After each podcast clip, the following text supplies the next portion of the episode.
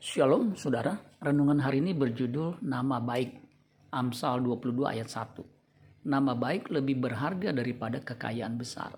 Dikasih orang lebih baik daripada emas, daripada perak dan emas. Nama baik itu susah nempel, tapi gampang lepas. Sebaliknya nama buruk gampang lepas, tetapi susah nempel. Ada seorang yang namanya harum karena punya karya bagi bangsa ini. Dia menyediakan sekolah gratis bermutu tinggi untuk keluarga miskin yang tidak mampu. Prestasinya ini membuat dirinya mendapat penghargaan dari beberapa lembaga tertentu.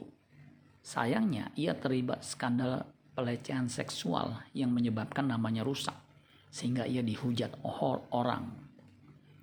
Seorang yang punya nama baik dapat dipastikan adalah seorang yang berintegritas tinggi, dan itu dibuktikan ketika orang berinteraksi dengannya.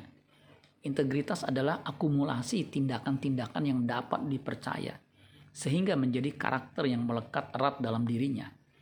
Hal ini sama dengan mengumpulkan harta di sorga, Matius 6 ayat 20. Tetapi kumpulkanlah bagimu harta di sorga. Di sorga ngengat dan karat tidak merusakkannya, dan pencuri tidak membongkar serta mencurinya. Jika kita harus memilih antara nama baik atau kekayaan, pilihlah nama baik, bukan kekayaan. Amsal 22 ayat 1 versi firman Allah yang hidup mengatakan begini.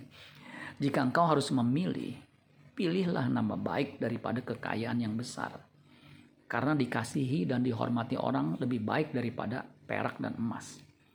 Nama baik merupakan warisan yang tak ternilai bukan saja dapat diwarisi ke anak cucu, tetapi dibawa sampai kepada kekekalan.